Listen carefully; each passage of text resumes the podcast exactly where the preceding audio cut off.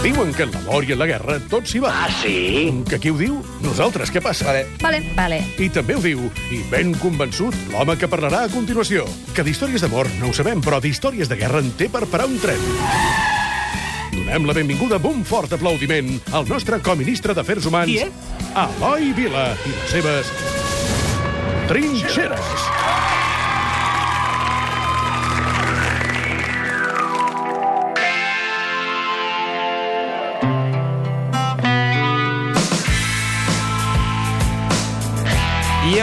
Sortim de les trinxeres de la Guerra Civil Espanyola perquè avui fa 43 anys de la Revolució dels Clavells de Portugal, que va acabar amb el règim feixista d'Antonio de Olivera Salazar. Correcte, i avui, si em permeteu, sortim una mica de la Guerra Civil i fem això, fem un recorregut internacional a través de músiques, de moviments revolucionaris, de, de moviments que haurien de canviar el sistema, no? I, i aprofitant aquest, el, el, el dia d'avui, no? aquests 43 anys, la commemoració dels 43 anys de la Revolució dels Clavells, que tots tenim la imatge no? de la gent omplint els carrers de Lisboa i de, de les ciutats i els pobles de Portugal, però la imatge és de Lisboa, va donant clavells als, als, als soldats que es van revoltar en contra del règim d'inspiració feixista d'Antonio de Oliveira Salazar. Uh, Una imatge que fa enveja, clar, Sí. perquè aquí la història van al revés. Sí. De, de fet, era un grup de militars que van crear el moviment de les Forces Armades, que estaven farts de, estaven farts de, de, del tracte que rebia l'exèrcit, perquè l'obsessió del règim d'Oliveira Salazar era mantenir les colònies. Per tant, va haver una gran, molts anys de guerra eh, per mantenir les colònies eh, portugueses i l'exèrcit far va fer una revolta eh, que es va concretar amb, el, això, amb la revolució de, dels clavells. I va tenir molta força la música, aquesta revolució, Sí. i la ràdio. La força de la ràdio va ser molt important, perquè el que va passar és que eh, un mes abans el, el cop estava ja previst. L'objectiu era fer un cop militar, uns anys de transició i acabar amb unes eleccions, que és com va ser haver-hi dos anys de transició de govern provisional, i al cap de dos anys, el 1976, va haver-hi unes eleccions democràtiques a Portugal. Però eh, un mes abans del, del 25 d'abril del 1974, el cop ja estava planificat. I aleshores el que va passar és que la ràdio, a les 12 i 20 de la nit del 25 d'abril, va sonar aquesta cançó. Prendo la Vila Morena, terra da fraternidade. O povo é quem mais ordena dentro de ti a cidade. Dentro de ti a cidade. O povo é quem mais ordena. Bueno, una cançó convertida en un himne per, per la llibertat, no? i s'acabaven 48 anys de, de dictadura, perquè el règim d'Oliveira de Salazar va començar l'any 1926. Oliveira de Salazar no va regnar fins al final de la dictadura, sinó que l'any 1968, eh, per lesions cerebrals, va, va abandonar el poder i el va substituir Marcelo Caetano. No? Però, en qualsevol cas, avui fa 43 anys d'això, no? de la llibertat de, de Portugal i la transició cap a un règim democràtic. Grandola Vilamorena, terra de fraternitat. El poble és qui més mana dins de tu o ciutat. El poble és qui més mana. I amb això va acabar una dictadura. Si no l'heu vist, us recomano molt una pel·lícula dirigida per la Maria de Medeiros que es diu Capitans d'Abril, Capitans d'Abril, que explica ben bé aquesta història i com es van prendre les ràdios i tota la consigna de... Doncs això que deies, no? A, partir de, que, fet- a les 12 de la nit ha de sonar això, que és la consigna. És la consigna no, per activar la, el, el cop, no? Aquest cop que havia de portar una transició democràtica com, com així va ser. Més cançons, va. Més cançons.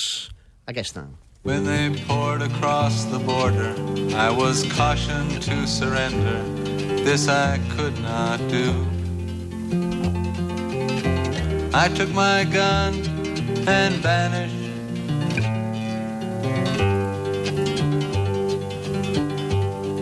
Coneixeu la veu? Sabeu qui canta? Leonard Cohen. Have Sí, senyor. Sí, senyor, versionant... bé, La, la cançó és de Partisan i el que fa doncs, és una versió de- d'una cançó que va ser molt important pel bàndol aliat a la Segona Guerra Mundial. De fet, va ser l'himne de la resistència, eh? de la resistència francesa. I us explico una mica la història de- d'aquesta cançó. Uh, amb l'ocupació de París l'any 1940, el, el bàndol aliat a la Segona Guerra Mundial uh, vivia amb, un, amb una certa incertesa, no? I aleshores, per animar les tropes, un periodista que es deia Manuel Dastier, va escriure la lletra eh, d'aquesta cançó, de la cançó del partisà. La va escriure en francès, lògicament, eh, i la música, la música d'una compositora russa, de l'Anna Marley. El, aquest periodista, l'Emmanuel Dastier, es va allistar a l'armada francesa i va ser un dels grans caps de la, revolu- de la resistència. Quan estava a Londres, des d'on dirigia la resistència, eh, aquesta cançó es va popularitzar molt. I d'aquí, novament, la força de la ràdio, perquè la BBC durant 4 anys, entre 1940 i el 1944, va dedicar un dels seus canals a la resistència. Uh -huh. I aleshores les emissions d'aquest canal començaven eh, aquí a Londres, aquí els francesos parlant als francesos, i llançaven aquesta cançó, no? es va popularitzar moltíssim, moltíssim, moltíssim, i aleshores l'Anna Marlí en va gravar una nova versió. I el maco de la història és que el Leonard Cohen eh, va, la va descobrir el 1950 a partir d'un cançoner i llavors la va adaptar eh, no només al seu recital, sinó que va incloure en un dels seus discos, no? I, i des d'aleshores, doncs, en els concerts del Leonard Cohen sona el, el de Partisan. J'ai la France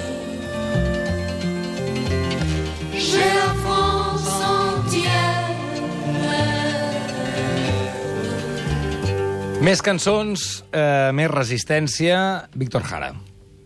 Yo no canto por cantar, ni por tener buena voz. Canto porque la guitarra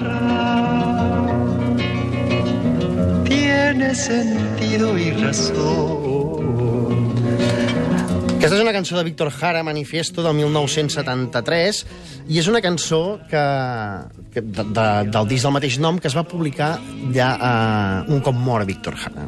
Qui era Víctor Jara? Víctor Jara, suposo que ho sabeu, era un músic i un actor xilè que va ser clau en la victòria de Salvador Allende a, a les eleccions xilenes l'any 1970 amb una cançó que es deia Venceremos, no?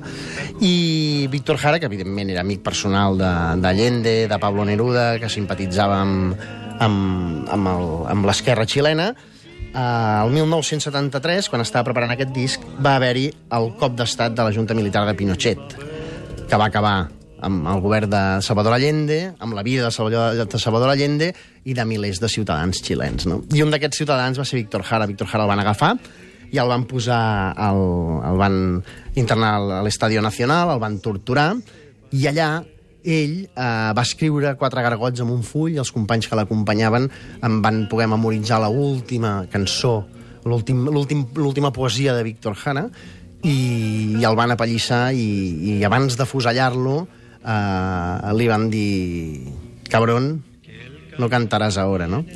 Uh, un, un militar xilè, no? I Si no, tinc eh, mal entès, si no tinc mal entès, li van trencar els dits, també.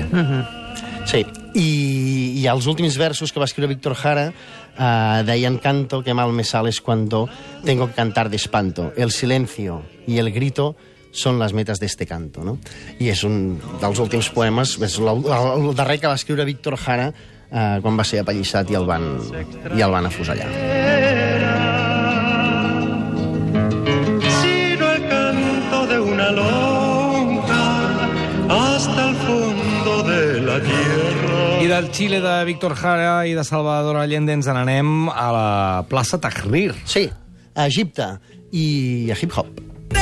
مصر تثور على طيور الظلام الشعب يريد اسقاط النظام قتلونا ذبحونا سجنونا عذبونا نهبونا خوفونا ارهبونا واتجاهلونا الشعب المصري لن يموت إرادة الشعب يجب أن تسود بلادي بلاد Us sona aquesta cançó? Es diu Rebel, d'Arabian Nights, que és una banda de, de hip-hop d'Egipte, d'Egípcia, i que és una mica la banda sonora de, de la revolució a la plaça Tahrir l'any 2011. De fet, aquesta cançó, si no m'equivoco, és la primera cançó que va poder sortir a l'exterior després que el règim de Hosni Mubarak fes aquella apagada digital, diguéssim, no? que, que va, va tancar tots els canals de comunicació digitals i no hi havia internet ni hi havia cap tipus de comunicació. No? I aquesta és la primera cançó que va, que va sortir. No?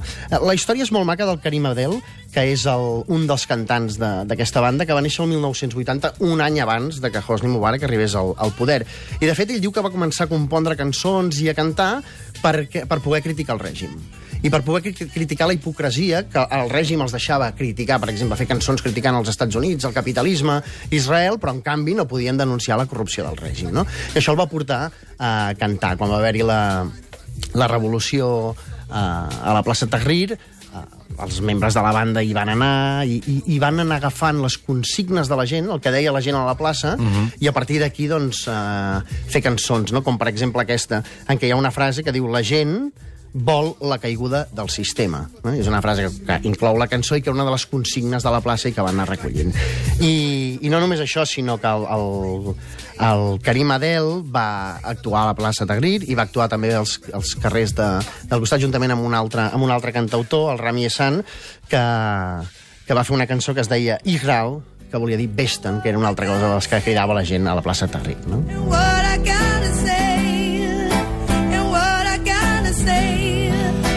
I acabem aquesta volta especial del Trinxeres d'avui amb Billie Holiday. Sí.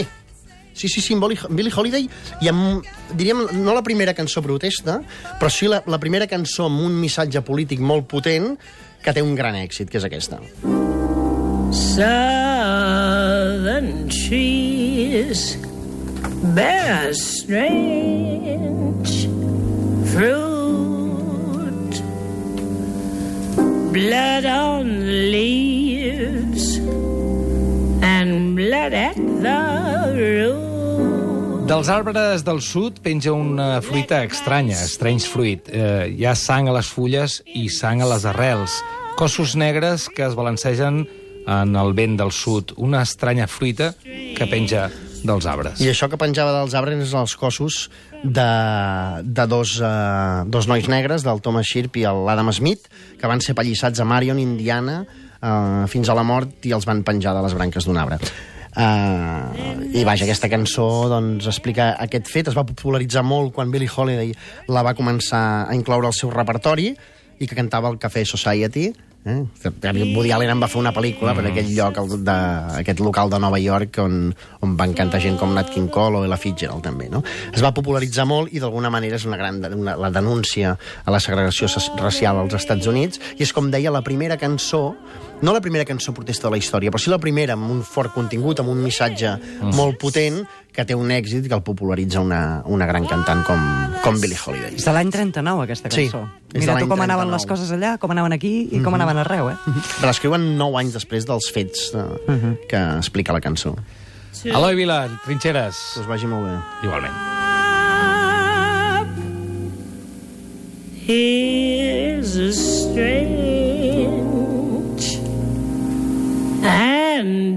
and bitter